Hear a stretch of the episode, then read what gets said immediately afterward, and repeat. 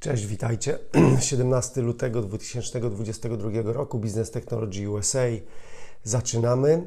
Dla tych z Was, którzy jesteście tutaj pierwszy raz, powiem, że BTU to porcja najciekawszych, moim zdaniem, informacji ze świata amerykańskiego biznesu wielkich firm technologicznych, metaverse, sztucznej inteligencji i startupów. Od poniedziałku do piątku nagrywam taki odcinek na YouTube, także jest podcast na Spotify, a dla tych, którzy chcą wersję tekstową, wystarczy wejść na www.businesstechusa.com i zapisać się do newslettera. Więc zaczynamy.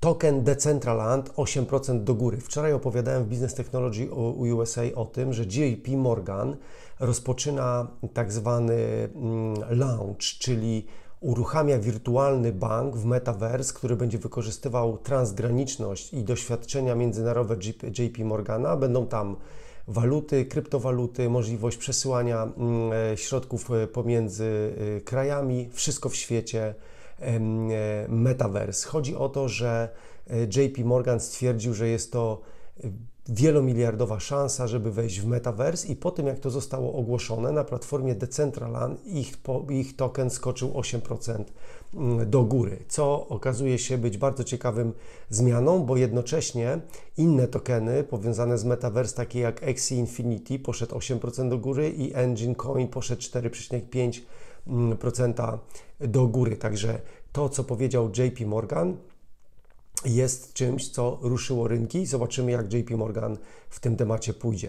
Żeby nie odbiegać od kryptowalut, Sequoia Capital, dla tych z Was, którzy nie znają, przypomnę, jeden z najbardziej renomowanych, założonych w 1972 roku funduszy inwestycyjnych w Krzemowej Dolinie, który inwestuje w startupy i przedsięwzięcia technologiczne, właśnie uruchomił 600 milionowy fundusz inwestujący w firmy, które zajmują się kryptowalutami walutami. Fundusz będzie się skupiał właśnie na tokenach i na aktywach cyfrowych, właśnie związanych z kryptowalutami, ale także e, z metaverse. Tutaj przytoczę z notatki, że Sequoia Capital w niedawnej przeszłości doprowadziła do sfinansowania Fireblocks, platformy do przechowywania kryptowalut, która współpracuje z, 800 instytucjami w Stanach Zjednoczonych. Wartość Fireblocksa przekroczyła miliard dolarów, Sequoia już tam jest, zbiera swoje y, doświadczenia. Mało tego, fundusz będzie wspierał również rozwój, oprogramowania open source, które, będzie się sprzyja, y, które sprzyja rozwojowi y, tego typu technologii związanych z krypto. Google inwestuje 100 milionów dolarów. Bardzo podoba mi się ta in, in, inicjatywa w szkolenia dla 20 tysięcy Amerykanów. O co chodzi? Chodzi o to, że Google rozpoczyna już kolejną edycję swojej akademii, gdzie 20 tysięcy Amerykanów przeszkoli się z, z, z konkretnych rzeczy, takich jak analiza danych, wsparcie IT, zarządzanie projektami i projektowanie UX kurs trwa od 3 do 6 miesięcy, nie trzeba mieć żadnego wcześniejszego doświadczenia, ani magistra, ani doktoratu, ani skończonego koledżu w Stanach i tak.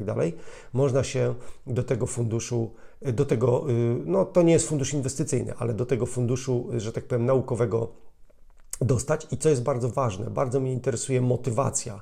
Chodzi o to, żeby wyprodukować na rynek, przepraszam za słowo wyprodukować, odpowiednio wykształcone kadry, żeby wzrosły pensje i chodzi, chodzi o to, żeby w poszczególnym sektorze, właśnie związanym z nauką tych umiejętności, pensje wzrosły do je, o 1 miliard dolarów w ciągu y, y, roku. Także zobaczcie, jaka bardzo ciekawa inicjatywa. Google inwestuje po to, żeby ludzie mieli kwalifikacje, żeby więcej zarabiali i żeby w, globalnie podnieść wzrost wynagrodzeń i firma Google robi to z sekretarzem handlu USA Gina Raimondo. taka osoba, przepraszam, że tak y, czytam to po prostu z kartki, z notatki, ale mm, y, chciałem, nie chciałem pomylić imienia i nazwiska sekretarza handlu Ameryki.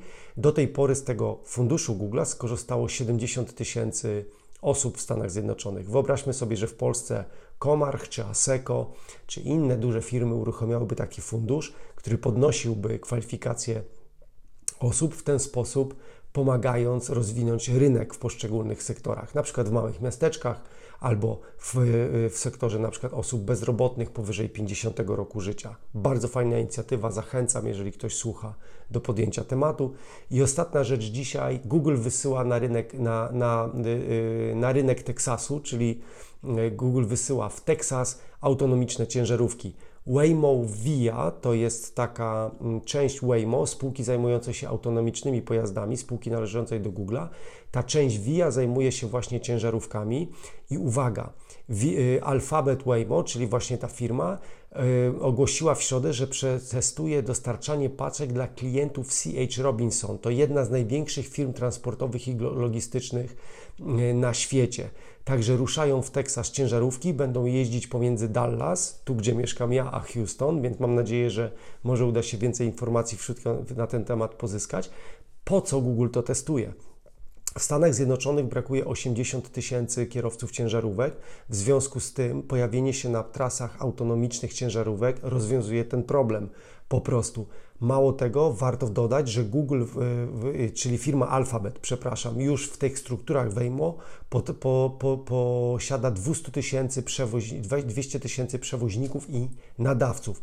Gdy to ćwiczenie się uda i te ciężarówki wyjadą na drogi bez kierowców, automatycznie, to po pierwsze rozwiąże się problem popytu i podaży kierowców, a z drugiej strony nadawcy i odbiorcy będą mogli po prostu realizować całe łańcuchy logistyczne, co w świecie COVID-a oczywiście i po, po, po pandemii nie jest bez znaczenia. To wszystko na dzisiaj. Zapraszam Was na jutro, na odcinek w piątek, a później znowu od poniedziałku. Serdeczności, wszystkiego dobrego, do usłyszenia. Cześć.